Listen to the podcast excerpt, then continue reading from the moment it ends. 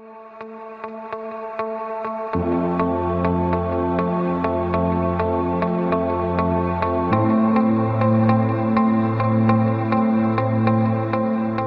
podcast dinleyicileri, podcast serimizin ikinci bölümü olan deniz ticaret hukukuna devam ediyoruz.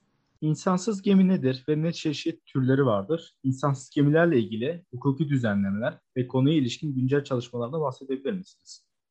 Peki tabii ki. İnsansız gemi kavramı aslında deniz ticaretine yeni görünmekle beraber askeri denizcilik bakımından, donanmalar bakımından yeni bir kavram değildir. 1960'larda, 1950'lerde dahi insansız gemilerle ilgili teknolojik çalışmaların aslında e, işin askeri tarafında donanma boyutuyla ilgili olarak yapıldığını görebiliyoruz. Ancak bunlar hem teknolojik olarak hem de maliyet bakımından deniz ticaretine pek uygulanabilecek nitelikte değildi. Hal böyle olunca işin deniz ticaretindeki gelişmesinin daha yakın tarihlerde olduğunu söylememiz mümkün. Yani e, askeri denizcilikte baktığımızda 1950'lere 1960'lara e, uzanan teknoloji ancak 2010'lu yıllarda deniz ticaret alanında kendisini göstermeye başlamıştır insansız gemilerle ilgili olarak aslında uluslararası hukukta, e, uluslararası denizcilik sözleşmelerinde daha doğrusunu söylemek gerekirse e, kesin bir tanım yok. Bununla ilgili olarak da e, farklı sözleşmelerin, farklı düzenlemelerin e, uy böyle ucundan kıyısından kavramlara temas ettiğini ancak açık bir tanıma vermediğini görebilmekteyiz. E, peki ne tür e, insansız deniz ticaret araçlarından söz etmemiz mümkün? Aslında insansız deniz ticaret araçları 2000'li yıllardan itibaren kademe kademe karşımıza çıkmaya başladı. Nasıl kademe kademe karşımıza e, çıkmaya başladı? Öncelikle tamamen manuel yapılan denizcilik faaliyetleri, gemi, e, gemilerdeki manuel faaliyetlerin bir kısmı otomasyona dönmeye başladı özellikle makine dairesinde baktığımız takdirde bizatihi makine zabitlerinin makine dairesinde sürekli olarak makineleri kontrol etmesinden vesaireden ziyade ise e, geliştirilen sistemlerle artık bunların bir kısmının otomatik olarak belirli bir otomasyona tabi olarak e, işletilmeye başladığını görmeye başladık. Yine e, gemilerin kullanmaya başladıkları radar sistemleri, yaklaşma sistemleri, birbirleriyle olan etkileşimleri, gemi tanımlama sistemleri vesairelerde kısmi olarak aslında bir otomasyonu görmekteyiz. Yani öncelikle bir e, manuel gemilerden söz ediyoruz. Sonra kısmi otomasyona geçildiğini görmekteyiz. E, daha sonrasında ise kademe kademe belki üçüncü aşamada tam otomasyona doğru geçildiğini görebileceğiz. Ancak tam otomasyona geçilmesi demek gemilerden mürettebatın çıkartılması anlamına gelmiyor. Hala gemide mürettebat söz konusu ancak bazı sistemler artık hiç mürettebat dokunmaksızın kendi kendine çalışabilir vaziyette devam etmekte. Bu aşamadan sonrasında gelinen dördüncü, dördüncü aşama şöyle söylenebilir, uzaktan kontrollü gemiler denilmektedir. Yani e, bu tür gemilerde yine belki de e, mürettebat bulunmakta ancak geminin operasyonel faaliyetleri kıyıdan devam ettirilmektedir. Ancak dediğim gibi burada önemli olan husus uzaktan kumandalı gemilerde büyük kısmında hali hazırda personel olmakla beraber operasyonel faaliyetler kıyıdan yürütülüyor. Peki mürettebat niye var? Mürettebat eğer ki kıyıdan yönetilme konusunda geminde bir sıkıntı çıkarsa müdahale edip gemiyi kontrolünü altına alıp daha sonrasında geminin sekbe idaresini emniyetli bir şekilde sekbe idaresini sağlayabilmek adına. Şimdi bu dördüncü aşamayı tamamladıktan sonrasında karşımıza ne geliyor? Mürettebatsız gemiler geliyor. Tabii mürettebatsız gemilerden söz ettiğimiz takdirde e, burada yapay zeka karşımıza çıkmakta. Yapay zeka, büyük verinin kullanılması ve benzeri gibi hususlar artık mürettebatsız gemiler için e, temel unsurlar olarak e, sahneye çıkacak aktörler arasında yer almakta. Şu aşamada e, baktığımız takdirde mürettebatsız gemilerin uygulaması var mı? Evet var. Ancak çok kısa mesafeler için. Ve bunlar genelde şu şekilde tanımlanıyor. A limanından B limanına en kısa sürede, en etkili vaziyette ve en ucuza seyri nasıl yapacakları konusunda çeşitli tanımlamalar yapılıyor. Ve e, geminin bilgisayarında, beyninde diyebileceğimiz noktalarda bu tanımlamalar üzerine seyir sefer faaliyetleri yerine getirilebiliyor. Bu anlamda e, yapay zeka tam olarak da aslında e, hani bizim öngördüğümüz vaziyette e, bu teknolojiye erişmemiş vaziyette. Peki sonraki aşamalar ne olacak diye baktığımızda şunu düşünmemiz lazım. e, benim öngörebildiğim e, ne yöne e, evrilebileceği şeklinde şunu düşünmemiz lazım. Beşinci aşamada dedik ki işte çok kısa mesafeler arasında yapay zekayı da kullanmak surette mürettebatsız gemiler hareket edebiliyor. Ancak bu hareketler içerisinde muhakkak surette belirli komutların bu sisteme girilmiş olması lazım ki o onun üzerinden hareket edebilecek. E, yapay, e, yapay zekanın tam olarak e, gerçekleştirildiği ve deniz ticaretine uygulanabildiği e, noktalarda gemiler belki de yüklerini kendisi bulacak. Yani hangi limanda efendime söyleyeyim e, yük var ve nereye gönderilecek? Bunu elektronik sistemler üzerinden, internet üzerinden vesaire üzerinden takip edilerek e, belki de gemi kendisi yükü bulacak. O limana seyir sefer faaliyetini yapacak. Yükün yüklemesi işlemini yapacak, yükün boşaltılacağı limana seyir seferini yapacak, boşaltma işlemleri tamamlanacak. Bu dönem içerisinde belki yükleme ile ilgili, yükle ilgili belgeleri elektronik ortamda kendisi düzenleyecek. E, yük taraflarına bu belgeleri internet ortamında veyahut da başkaca kapalı olabilir, yarı kapalı sistemler olabilir. Bunları kendisi ulaştıracak vesaire. Tabii buradan çıkan sonuç şu.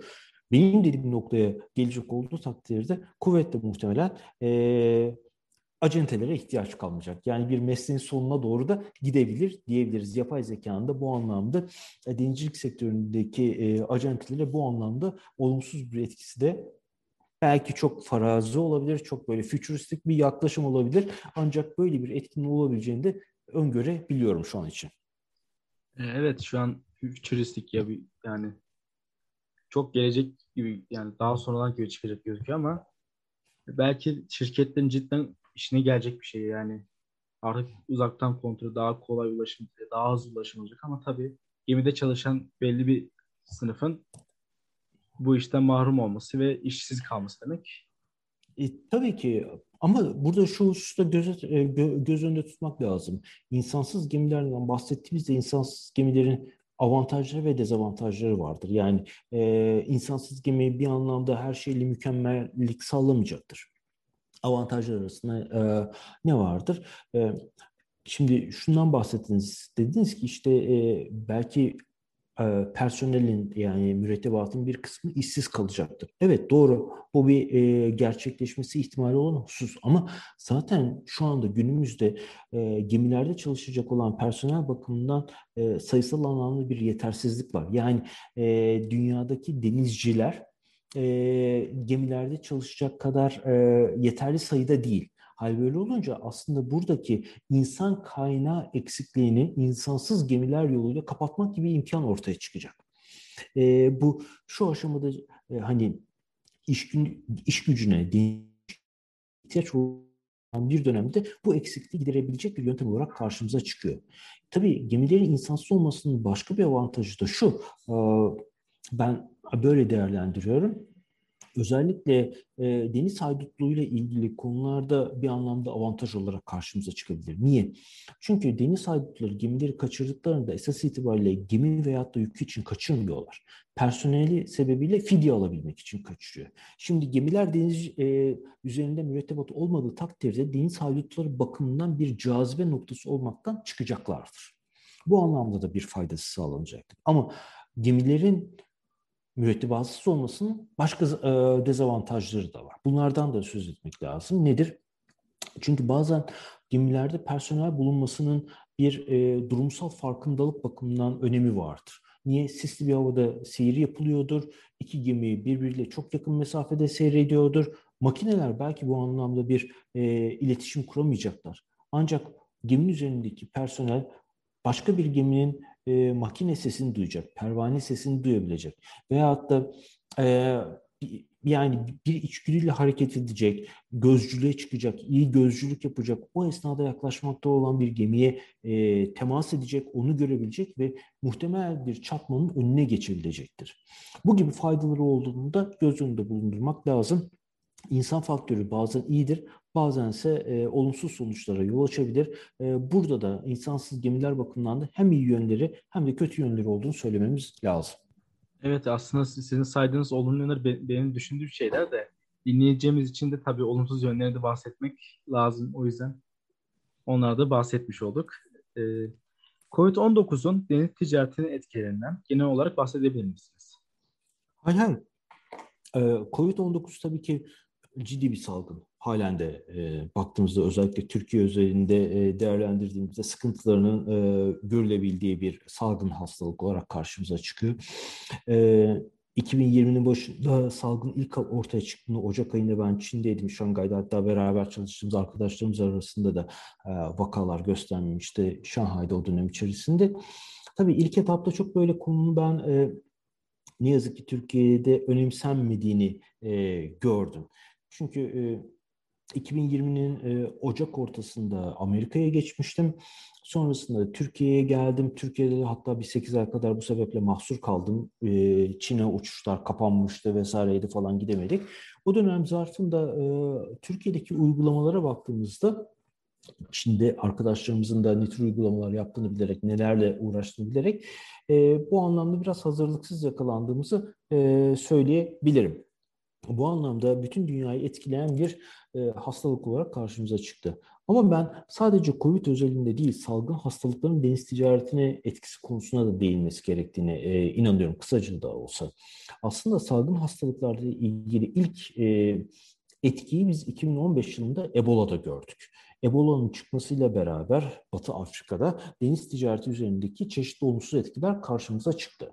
Tabii bu deniz ticareti üzerindeki etkileri nasıl gösterdi diye sorduğumuzda charter sözleşmeleri üzerinde özellikle zaman charter sözleşmeleri üzerinde etkisini göstermeye başladı 2015'ten beri. 2019 yılına geldiğimizde ise Covid salgınıyla beraber e, dünyadaki bütün sektörlerde olduğu gibi denizcilik sektöründe etkilendiğini gördük. Peki denizcilikte hangi alanlar, hangi alt alanlar etkilendi diye baktığımızda aslında sadece taşımacılıkla ilgili değil, yük taşımasıyla ilgili değil, birbirinden bağımsız ancak birbiriyle ilgili birçok konunun veyahut da birçok aktörün etkilendiğini e, söylememiz mümkün. Nedir? Gemi personelleri de etkilendi bu işten. Niye? Çünkü kapalı bir alanda 20 kişi veya 30 tane denizciden bahsediyoruz. Bunların birisinin salgın hastalığa, e, salgın hastalığa yakalanması halinde diğer personel de kuvvetle muhtemelen bu hastalıkla temas edecekler. Yani gemi personeli bakımından böyle bir sıkıntı ortaya çıktı. Bunu nerede görüyoruz? Limanlarda gemi personelleri indirilmemeye başlandı. Niye? Çünkü o 20-30 kişi kendi içerisinde bu hastalığı e, sürekli olarak bir sirkülasyon haline devam ediyor olabilir. E, bu insanlar bir de limana inecek olursa liman çalışanlarına, başka insanlara vesaire etki edecekler. E, bu sefer ne oldu? 3 ay boyunca, 4 ay boyunca limana ulaşmakla beraber gemiden ine, inemeyen personel ortaya çıktı. Hatta bir seneden fazla gemide kalan personelle karşı karşıya kaldık. Yani karaya adımını atamamış vaziyette. Yine e, yolcu gemileriyle ilgili çok ilginç e, vakalar yaşandı. E, Uzak Doğu bölgesinde bir Diamond Princess olayı var ki e, COVID-19'un yeni başladığı dönemlerde, ilk çıktığı dönemlerde yaşandı bu olay Japonya ve Güney Kore'de. E, yüzlerce yolcu geminin içerisinden çıkamadılar personelleri birlikte. Niye? Çünkü hem yolcularda hem personelde vaka vardı. COVID-19 vakasına rastlanıldı ve e, kameraların birisini kapatıyorlar, diğer kameradan hastalık çıkıyor vesaire şeklinde aylarca böyle e, kruvaziyer gemisindeki, yolcu gemisindeki yolcular gemiden inemediler. Böyle etkileriyle karşılaşıldı. Deniz turizmi Türkiye'de başta olmak üzere hemen hemen bütün ülkelerde zaten çöküşe uğradı tabiri caizse. Böyle söylememiz mümkün.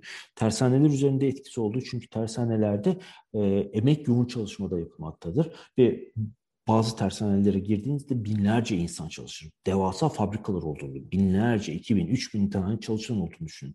E, bu kadar yoğun bir insan sirkülasyonunun olduğu bölgede e, hastalığın yayılım hızı arttı e, tersanelerle ilgili tedbir almaya kalktılar. Bunların bu sefer gemi inşaat sözleşmeleri üzerindeki olumsuz etkileri görüldü. Çünkü vardiyalarda belirli insan sayısını tutturmak zorunda kaldılar. E, o kadar insan çalıştıramıyorlar. O kadar insan çalışmayınca bu sefer gemi inşalar süresinde tamamlanmamaya başladı. E, bunlar e, bir sözleşme var, teslim tarihi var, gemi inşaat sözleşmeleri bakımından. Burada tersaneler e, sözleşme ihlal eder duruma düştüler vesaire gibisinden tersaneler üzerinde etkisi görüldü. Liman ve gümrük hizmetleri bakımından etkileri görüldü. E, gemilere, bu gemilere işte yanaşmalarda, kalkışlarda, boğaz geçişlerinde kılavuz kaptanlar çıkacak. E, kılavuz kaptan örneğin Türk boğazlarında, Çanakkale'de veya da İstanbul Boğazı geçiş sırasında bu gemiye çıkacak ama gemide e, efendim söyleyeyim COVID-19 vakası var. Nasıl çıkacak? gibisinde diye düşündüğümüz takdirde sadece taşıma konusunu değil e, denizcilikle ilgisi olabilen hemen hemen herkesin COVID-19'dan olumsuz vaziyette etkilendiğini söylememiz mümkün. Evet, e, deniz ticaretinin tersane olsun, gemi adamları olsun, birçok yolcu gemisi olsun etkilerinden bahsettiniz. Ben özellikle COVID-19'un deniz ticaret sözleşmeleri etkisini merak ettim. Nasıl bir etkisi olmuştur? Bir de COVID-19 ve mücbir sebep ilişkisinde bahsedebilir misiniz? Hayır. Ee, muhakkak surette taşımacılıkla ilgili olarak da COVID-19'un olumsuzlukları görüldü. Ancak burada bizim üzerinde durmamız gereken asıl problem olarak gördüğüm alanlardan birisi özellikle COVID-19'un başlangıç dönemindeki zaman çarteri sözleşmeleriydi. Çünkü örneğin Kasım ayında, Aralık ayında 5 senelik bir zaman çarteri yapıldığını düşününüz. E, aradan 2 ay geçmiş bir küresel salgın çıkıyor. Bu küresel salgın içerisinde e, charter gemisini 3 ay 4 ay boyunca kullanamıyor. E, ancak gemiyle ilgili e, charter sözleşmesinde kararlaştırılmış olan mali yükümlülükleri yerine getirmek zorunda. Gemi çalışmazken bu yükümlülükleri nasıl yerine getirecek? gibisinden çeşitli problemlerin esas itibariyle zaman çarterinde e, karşımıza çıktığını söylememiz mümkün. E, diğer taşıma sözleşmeleri bakımından, deniz ticareti sözleşmeleri bakımından da sorunlar ortaya çıkmadı, çıktı. Ancak bunların etkisi zaman çarterine göre benim şahsi görüşüme göre nispeten daha az. Çünkü bir yolculuk charterine baktığımızda bu tek seferlik bir charter e, bunun etkisinin kısmen daha az olabildiğini görmekteyiz. Bu söz konusudur. Ancak zaman charterine baktığımızda özellikle uzun süreli ve hemen hemen e, COVID'in başlangıç döneminde veyahut da çok kısa süre öncesinde yapılan zaman charterleri bakımından e, charter bakımından ciddi bir öngörülmezlik durumuyla karşı karşıya kalındı mı kalınmadı mı sorusuna bakılması lazım. Ancak bu tartışmalara geçmeden öncesinde şunu hatırlatmakta fayda var. Ee, deniz ticaretinin uygulanmasında e, İngiliz hukukunun ciddi bir etkisi vardır. Ee, bunu dinleyicilerimizin büyük bir kısmında bildiğini varsayıyorum.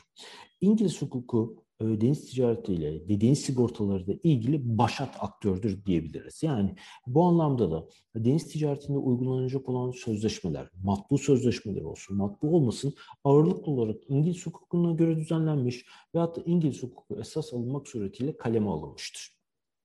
Peki durum böyle olunca İngiliz hukukunda e, bu zaman çarteri ve mücbir sebep ilişkisini de bizim buraya yansıtmamız lazım. Her ne kadar Türk bayraklı bir gemide olsa kuvvetle muhtemelen yükünü dünyanın herhangi bir köşesinden almış, dünyadaki başka bir ülkeye götürecektir. Bu kadar milletler arası unsurun olduğu yerlerde de bir Türk bayraklı gemi dahi olsa kuvvetle muhtemelen İngiliz hukukuna atıf yapmak suretiyle bir charter sözleşmesi hazırlamıştır. Peki bu durumda İngiliz hukukuna atıf yapıldığında mücbir sebeple ilgili hangi hususlara dikkat edilecektir? Zaman çarşılarının uygulaması nasıl olacaktır? İngiliz hukukunda e, şu temel prensibi hatırlamamızda fayda var. Sözleşmede ne yazıyorsa o geçerlidir. Yani buradan çıkacak ilk e, prensiplerden birisi şudur. Çok fazla esnetme şansınız yok. Hatta şunu söylemek mümkün. Hiç esnetme şansınız yok. Yani e, birinci husus bu. İkincisi e, İngiliz hukuk sisteminde başlı başına bir mücbir sebep tanımı ve sebebi yok, e, gerekçesi yoktur. Yani bu şunu sonuçlayacaktır. Siz eğer ki sözleşmenizde mücbir sebebe yer vermediyseniz, bir mücbir sebep şartı, bir mücbir sebep klozuna yer vermediyseniz, kanun başlı başına herhangi bir olayı mücbir sebep olarak tanımlamaz. Bu sebeple e, tedbirli bir tacir olarak ihtiyatlı bir tacir olarak mücbir sebep hallerini sizin öngörmeniz ve bunları sözleşmeye yazmanız gerekmekte. Bu altın kuralın burada bir altını çizmemiz gerekiyor, belirtmemiz gerekiyor. Şimdi bu altın kuraldan bahsettikten sonrasında şu hususa e, temas etmemiz lazım. Dedik ki e, İngiliz hukuku muhakkak surette mücbir sebebin sözleşmede belirtilmesini gerekiyor. Peki hay bir mücbir sebep belirtildi. Ama mücbir sebep kılavuzunun içerisinde salgın hastalıklardan bahsedilmedi. Acaba COVID-19 mücbir sebebi genişletilecek bir yorumla içine dahil edilebilir mi? Hayır, dahil edilemez. Dediğim gibi altın kuralımız neydi? Sözleşmede ne yazıyorsa o geçerlidir İngiliz hukukunda. Yani eğer ki mücbir sebep klozu var, mücbir sebeple ilgili olarak depremden söz etmiş, volkanik olaylardan söz etmiş, çığdan söz etmiş ama içinde salgın hastalıkları ifadesi yer almıyor. Bu takdirde COVID-19 bir salgın hastalık olması sebebiyle mücbir sebebin içine girmeyecektir. Yani ikinci aşamada şuna dikkat ediyoruz. Salgın hastalık veyahut da benzeri bir ifadenin de mücbir sebep klozunun içerisinde tanımlanmış olması, açıkça yazılmış olması gerekiyor. Bitti mi? Hayır, bitmedi. Bir üçüncü aşamaya daha geçiyoruz. Evet bir mücbir sebep klozu var. Salgın hastalıklarda yazılmış ama mücbir sebebin genel şartları oluşmuş mu? Nedir genel şartlarına diye baktığımızda bu hemen hemen birçok dünyadaki hukuk sisteminde birbirine benzerdi. Bir kere bir zorlayıcı sebep olması lazım. Bu zorlayıcı sebebin bir dışsallıkla, bir haricilikle ortaya çıkması lazım. Yani tarafların kendilerinden kaynaklanmayacak bir sebep olması lazım. Ee, bu dışsallıkla gerçekleşen zorlayıcı sebebin kaçınılmaz ve öngörülemez nitelikte olması lazım borcun ifasını imkansız hale getirmesi lazım ve bunlar arasında da bir nedensellik bağının oluşması gerekiyor. Ancak bu genel şartlarda, mücbir sebeple ilgili genel şartlarda tamamlandıktan sonrasında diyebiliriz ki evet COVID-19 salgın hastalık olarak mücbir sebep klozunun içerisinde yer almış ve diğer şartlarda tamamlandığı için bu bir mücbir sebep olarak değerlendirilebilir diyebiliriz. Yani özetlemek gerekirse İngiliz hukukuna atıf yapılan hallerde üçlü bir testin yapılması lazım. Birinci test, mücbir sebep klozu var mı? İkinci test, mücbir sebep klozunun içerisinde salgın hastalık ifadesi açıkça yazıyor mu? Üçüncü sebep, üçüncü testimiz ise mücbir sebebin diğer genel şartları oluşmuş mu, oluşmamış mı? Bu noktada e, baktığımız takdirde şu karşımıza çıkacak. Dünya Sağlık Örgütü'nün 11 Mart'ta COVID-19'u küresel salgın olarak niteleyeceği tarihe kadar belki bir mücbir sebepten söz etmek mümkün.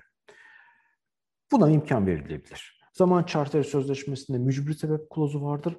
Hastalıklar bunun içerisine dahil edilmiştir ve dünya deniz ticareti üzerindeki etkisi, ifa imkansızlığına yol açması, bazı limanların kapatılması, o limanlara yükleme boşaltma yapılamaması gibi sebepler göz önüne alındığı takdirde 11 Mart 2020 tarihine kadar bunun bir mücbir sebep olarak kabul imkanı var. Ancak 11 Mart 2020'de Dünya Sağlık Örgütü bunu küresel salgın olarak ilan ettikten sonrasında bir öngörülemezlik, kaçınılmazlık halinden söz etme imkanı da kalmıyor.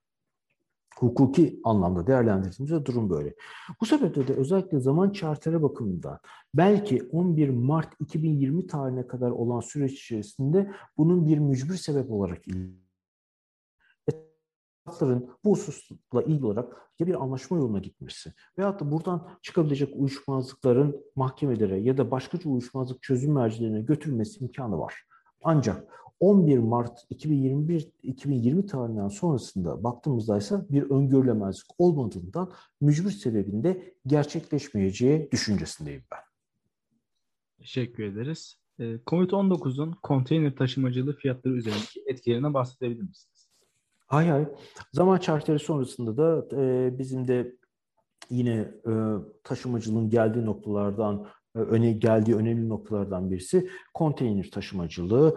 Özellikle son 40-50 sene içerisinde konteyner taşımacılığı inanılmaz bir ivme kazandı. Artık e, 20 küsür binlerle konteyner taşıyan gemilerden söz etmekteyiz.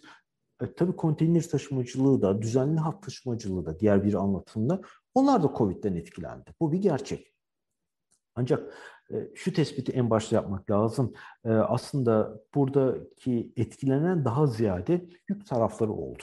Bunu söyleyebiliriz. Yani gemi tarafı diyebileceğimiz armatörler, donatanlar bundan etkilendi mi? Etkilendi ama olumlu yönde etkilendi.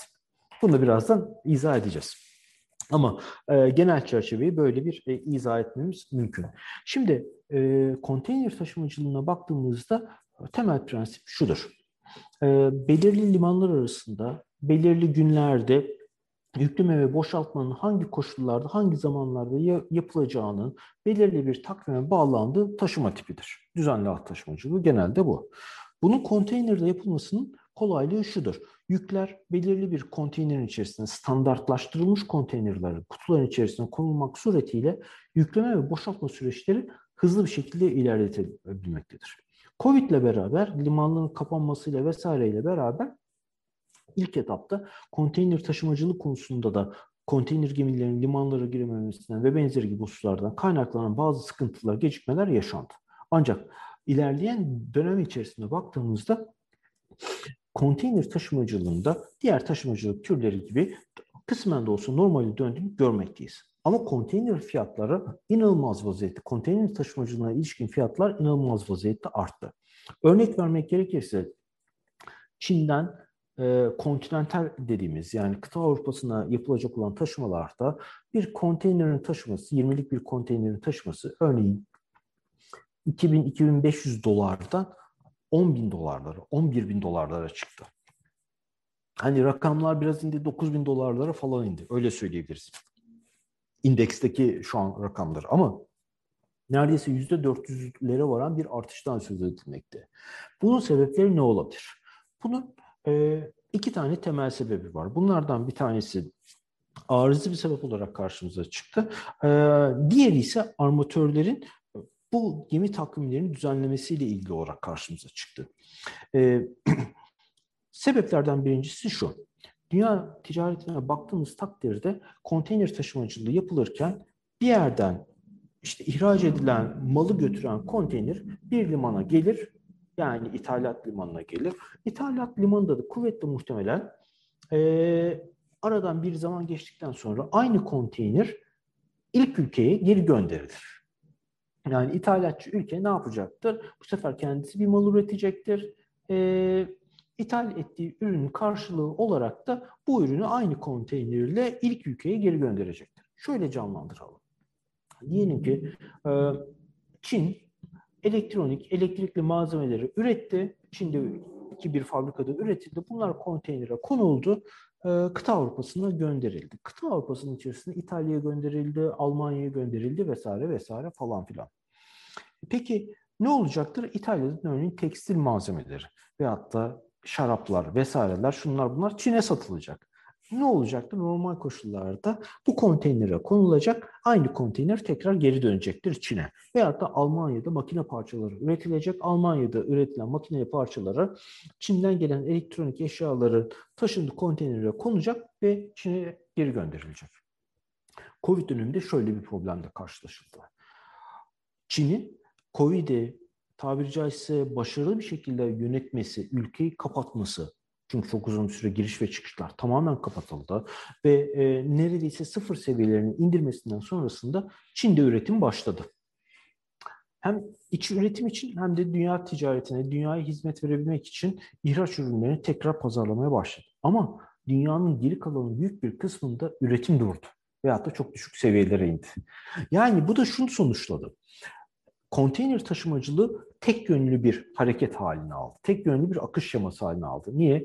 Çin'den çıkıyor konteyner, Almanya'ya gidiyor. 10 tane 10 tane konteyner ama Almanya üretiminin ancak iki konteyneri karşılayıp Çin'e gönderebiliyor. 8 tane konteyner Almanya'da kalıyor. Veyahut da İtalya'da gönderilen 20 konteynerden bunlar sadece farazi rakamlar. Lütfen böyle e, istatistik rakamlar olarak almamak lazım. 15 tanesi İtalya'da kalıyor. 5 tanesi geri gidiyor. Bu şunu sonuçladı. Bu sefer Çin'de bir e, konteyner sıkıntısı baş göstermeye başladı. Niye? Çünkü e, giden konteynerler geri dönmüyor. Boş konteyner sıkıntısı yaşanmaya başladı. Bu tabii ki konteynerlerle ilgili, taşımacılıkla ilgili olarak bir e, fiyat artışına yol açtı. Bu bir gerçek.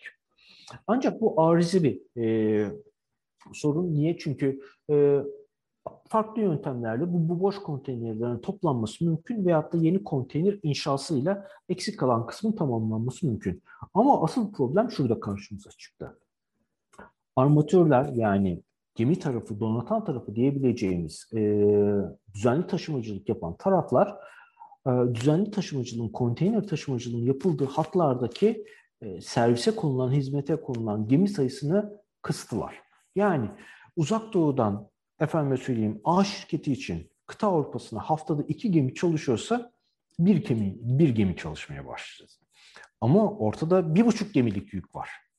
Şimdi e, konteyner gemilerine olan talep artmaya başladı. Ancak armatör tarafı, donatan tarafı elinde imkanı olmasına rağmen e, gemileri hizmete koymamaya başladı. Hal böyle olunca daha önce iki gemi bir buçuk gemilik yükü taşırken bu sefer bir buçuk gemilik yükün tek gemiyle taşıması ihtiyacı ortaya çıktı. E, talep arttığı için konteyner gemilerine talep arttıkça bu sefer konteyner taşımacılığına, konteyner başına düşen fiyatlar da artmaya başladı. E, bu problem servise yeni gemiler eklenmediği müddetçe veyahut da şu an e, atıl vaziyette bekleyen, limanlarda bekletilen ya da başka amaçlarla e, kullanılan konteyner gemileri servise sokulmadığı, hizmete sokulmadığı müddetçe e, pek indirilebilecek gibi değil. Bu da tabii ki söylemek gerekirse armatöre yarayan, donatan tarafına yarayan bir uygulama olarak karşımıza çıktı. Bu koşullar altında da armatörlerin kısa vadede e, mevcut gemileri, e, yeni gemiler ekleyeceğini veyahut da atıl vaziyette olan konteyner gemilerini servise sokacağını beklemek pek mümkün değil. E, ticari kaygılar göz önüne alındığında bu onlar bakımından çok da böyle verimli olmayacak bir e, yöntem olarak karşımıza çıkıyor. Konteyner taşımacılığındaki sebepleri, e, fiyatların artışındaki sebepleri böyle değerlendirmemiz mümkün. Evet, e, örneklendirmemiz cidden bizim için daha güzel oldu dinleyeceğimiz için de. E, Peki bu armatörlerin kar edişi diğer kişinin yani kontere düşen fiyatının artmasının bir önlem olamaz mı? Yani sa- salgın süre e, devam ettiği sürece bu devam edecek. E, tabii ki hani bu noktada söyleyeceğim şu serbest piyasa ekonomisi değil. E, buna doğrudan müdahale etmek imkanı yok. Ama bunun ardıl etkisini, ardıl etkisi nihai tüketiciler üzerindeki fiyat artışı olarak karşımıza çıkacak. Yani çünkü niye? E, şimdi alıcı ve satıcı normalde 2500 dolara e, bir konteyner yükü taşıyabilecekken bunu 9000 dolara, 9500 dolara taşıyorsa e, bunu kime yansıtacaktır? Ürün piyasaya geldiği takdirde nihai tüketiciye yansıtacaktır. Bu anlamda nihai tüketiciler üzerinde bir olumsuz etkisi görülecektir. Kuvvetle muhtemelen alıcı ve satıcı bunu kendisi yükümlenmeyecektir. Bunu kime yansıtacaktır? Nihai tüketiciye yansıtacaktır. Nihai tüketiciye yansıtıldığı takdirde de tabii ki bu genel o anlamda o ülke içerisinde bir fiyat artışına yani enflasyona yol açabilecek niteliktedir. Özellikle ithalata dayalı e, bir ekonomisi olan ülkelerde Türkiye gibi. Burada da altını çizmemizde fayda var. Türkiye gibi ithalata dayalı ekonomisi dönen ülkelerde bu genel fiyat artışının yani enflasyonun daha yüksek oranlarda karşımıza çıkacağını söylememiz mümkün. Ancak Buna doğrudan doğruya bir devletin e, müdahale etmesi pek mümkün değil. Ancak bu konuda devletlerin bir uzlaşısı olur ve bu anlamda bir e, hareket planı olabilirse mümkün. Aksi takdirde ben kısa vadede bunu çok mümkün görmüyorum. E, ticari dinamikler içerisinde, piyasa koşulları içerisinde çok mümkün bir yöntem değil. Teşekkür ederiz. Uluslararası Denizcilik Örgütü'nün emisyon kuralları daha da bilindik adı gaz salınım hakkının bilgi verebilir misiniz? Hayır. Aslında bu sorunun e, ikinci bölümde anlattığımız kutup hukukuyla da yakından alakası var. Bağımsız olarak düşünmemek lazım. Çünkü gaz salınımından söz ettiğimiz takdirde burada e, gemilerin makinelerinin veyahut da diğer e, sistemlerin çalışmasından kaynaklanan ve bu çalışma neticesinde havaya püskürtülen, havaya bırakılan çeşitli gazlardan veyahut da partiküllerden söz etmekteyiz. Bunlar karbon e, çeşitleri olarak karşımıza çıkmakta, sülfür çeşitleri olarak karşımıza çıkmakta veyahut da e, mikro ölçekteki parçacıklar olarak karşımıza çıkmakta. Tabii e, dünyada deniz ticaretinin artmasıyla beraber bütün dinleyicilerimiz de biliyordur farklı rakamlar, farklı oranlar konuşulsa da dünyadaki e, uluslararası e, taşımacılığın çok büyük bir kısmı bazı rakamlar %90 der bazıları %95 der daha gerçekçi rakamlarla %80'leri söylememiz mümkündür. E, uluslararası taşımacılığın, uluslararası eşya taşımacılığın çok büyük bir kısmı deniz yoluyla gerçekleştirilmektedir. Tabii deniz yoluyla taşıma yapıldığı takdirde gemilerin makineleri çalışmakta, makinelerden çıkan e, karbon ve sülfürik gazlar e, havaya karışmaktadır. Bunu sadece bir hava kirliliği olarak düşünmemek lazım. Çünkü havaya karışan bu gazlar, bu salınımlar daha sonrasında yağmur veyahut da karla tekrar denize karışmakta. Ee, karışan bu sülfür veyahut da karbon e, salınımlar e, deniz içerisinde yaşayan canlılar tarafından e, tüketilmekte. Bir zincirleme tüketim söz konusu burada bir besin zincirinin içerisinde e, en küçük canlılardan e, diğer tür balıklara kadar geçmekte. Sonrasında belki de bu balıklar bu deniz mahsulleri insanoğlu tarafından da tüketilmektedir. Yani aslında denizden kaynaklanan kirlilik bu besin zincirinin içerisinde en nihayetinde yine insanoğluna kadar ulaşabilmektedir. Bu çeşitli zararlardan birisidir. Yine iklim değişikliği üzerinde, buzların erimesi üzerinde etkilerinden söz etmekteyiz ve başkaca zararlar emisyonla ilgili olarak e, Uluslararası Denizcilik Örgütü'nün ve diğer uluslararası örgütlerin ilgisini çekmeye başlamıştır.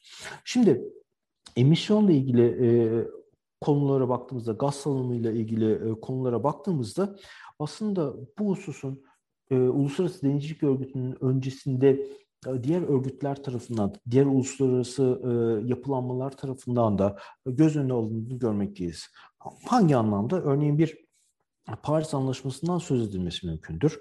E, Paris Anlaşması'nın içerisinde de e, efendim söyleyeyim sera gazı etkilerinin azaltılması ile ilgili çeşitli çalışmalar e, söz konusudur. Teknik oranlar vardır. Bunlara çok böyle e, girmiyorum. Ancak genel çerçevesine baktığımızda asıl amaç burada sera gazı etkisinin indirilmesi, e, havaya karışan e, ve doğal olarak bulunmayan salınımların, partiküllerin, parçacıkların en azı indirilmesi amaçlanmıştır. Buradaki ardıl etkilerden birisi de tabii bu salınımların indirilmesi neticesinde sera etkisi azalacaktır. Sera etkisinin azalmasıyla da dünyada şu an geçtiğimiz yüzyıllara göre baktığımızda artan e, sıcaklığın, ortalama sıcaklığın daha da düşürülmesi amaçlanmaktadır. Bu anlamda e, Uluslararası Denizcilik Örgütü'nün emisyonla ilgili kuralları e, Paris Anlaşması ile paralel bir şekilde hareket etmektedir. Bunu da söyleyebiliriz. Bir Paris Anlaşması daha genelden söz ederken İMO'nun emisyonla ilgili kuralları gemi özelinde olmak üzere gemi makineleri ve gemilerden kaynaklanan gaz salınımlarının azaltılması noktasında bir hedef belirlemiştir. Ee, tabii e, nedir bu düzenlemeler? Tarihine baktığımızda aslında e, Uluslararası Denizcilik Örgütü'nün e, gaz salınımları ile ilgili çalışmalarının e, çok da böyle hemen e, yakın tarihte başladığını söyle, e, söylemek doğru olmaz. E, tarihsel olarak baktığımızda denizlerin gemiler tarafından kirletilmesinin önlen, önlenmesine ait bir sözleşmeden yani Marpol Sözleşmesi'nden söz edilir. Marpol Sözleşmesi'nin aneks e, diyebileceğimiz, aneks 6, e, ek 6 diyebileceğimiz kısmına baktığımız takdirde zaten amacın hava kirliliğinin önle, önlenmesidir. Ancak e, Marpol'ün 6 tane eki vardır e, ve ben 6. ekimden söz ettiğimi göz önüne alırsak hava kirliliği hep en sonda e, kamuoyunun gündemine gelmiş bir kirlilik olarak karşımıza çıkmıştır. Baktığımız e, mevcut düzenlemelerden sonrasında e, emisyonların azaltılmasıyla ilgili son derece iddialı bir hedef belirlenmiştir. 14. maddeye bakıldığında yeni yürürlüğe giren 1 Ocak 2020'de yürürlüğe giren e, düzenlemeye bakıldığında işte sülfür oksit ve parçacık maddelere bakımından ciddi bir e, indirim bunların oransal olarak indirimi hedeflendiğini görmekteyiz. 1 Ocak 2020 itibariyle baktığımızda e, gemilerden kaynaklanan e, emisyon, gaz salınımıyla ilgili olarak hedeflerin e, binde beşler seviyesine çekilmesi hedeflenmiştir. Tabii burada binde beş seviyesi yüksek mi sorusu gelebilir. Veyahut da hala bu oranı yüksek bulabilen kişiler olabilir. Haklılık payı vardır. Ancak yüzde üç buçuklardan binde beşlere yönelik bir hedef olduğunu düşündüğümüzde denizcilik sektöründeki gaz salınımlarının azaltılması ile ilgili çok iddialı çalışmaları olduğunu söyleyebiliriz. %3,5'lardan binde beşlere kadar indirmek gibi bir e, hedef söz konusudur. Bu ciddi bir girişimdir. Ancak e, İMO'nun kurallarına baktığımızda sadece binde beşe indirmekle kalmamıştır. Bunun ötesinde e, özel, e, daha doğrusu şöyle diyebiliriz, emisyon kontrol bölgeleri oluşturmuştur. Emisyon kontrol alanları oluşturmuştur emisyon kontrol alanlarında şu an sayısı azdır. Baltık Denizi, Kuzey Deniz, işte Kuzey Amerika'nın belirli bir bölgesiyle Karayipler Denizi bunun içine girmektedir. Hedef e, binde birlere inmiştir. Yani e, dünya denizlerinin genelinde e, binde beşlik bir emisyon gaz salımından söz edilirken emisyon kontrol bölgelerinin içerisinde bu oranlar binde birlere indirilmesi hedeflenmiştir. Ve bu şu beraberine getirmiştir. E, dünyada çalışan 50 binin üzerinde ticari gemi var ve e, bu gemilerin neredeyse tamamına uygulanacak nitelikte bir e, emisyon kuralından, gaz salınım kurallarından söz ediyoruz. Bu da bütün gemilerin bu gaz salınım kurallarına uymak için ciddi bir revizyondan, bir reformdan geçmesini e, zorunlu hale getirmiştir. Bu doğrultuda gemilerin uygulayabileceği çeşitli yöntemler e, sunulmuştur teknik olarak, teknolojik olarak çeşitli yöntemlere başvurulması mümkündür. Bunlar nedir diye baktığımızda işte efendime söyleyeyim gemilerde daha ziyade çamur bırakacak nitelikte diyebildiğimiz yani biraz daha böyle balçık seviyesinde ağır fuel oiller kullanılmaktadır. Yani çok rafine e, yakıtlardan ziyade gemi makinelerinin büyüklüğü de göz önüne alınmak suretiyle rafine edilmemiş balçık nitelikteki petrol türevleri kullanılmaktadır. Bunların yerine işte daha rafine edilmiş vaziyette e, marine gazoil diyebileceğimiz yakıtların kullanılması bir seçenek olarak karşımıza çıkmıştır. Veyahut da balçık seviyesi yüksek olan e, bu petrol ürünlerinin sülfür ve partiküllerden arındırılarak gemilerde kullanılması gibi bir yöntem e, önerilmiştir. Mümkündür ancak bu hem zaman maliyeti bakımından hem de teknik bakımdan yeterli yakıt sağlaması bakımından çok e, verimlilik sağlayamayabilecek bir yöntemdir. Alternatif yakıtlar ortaya çıkmıştır.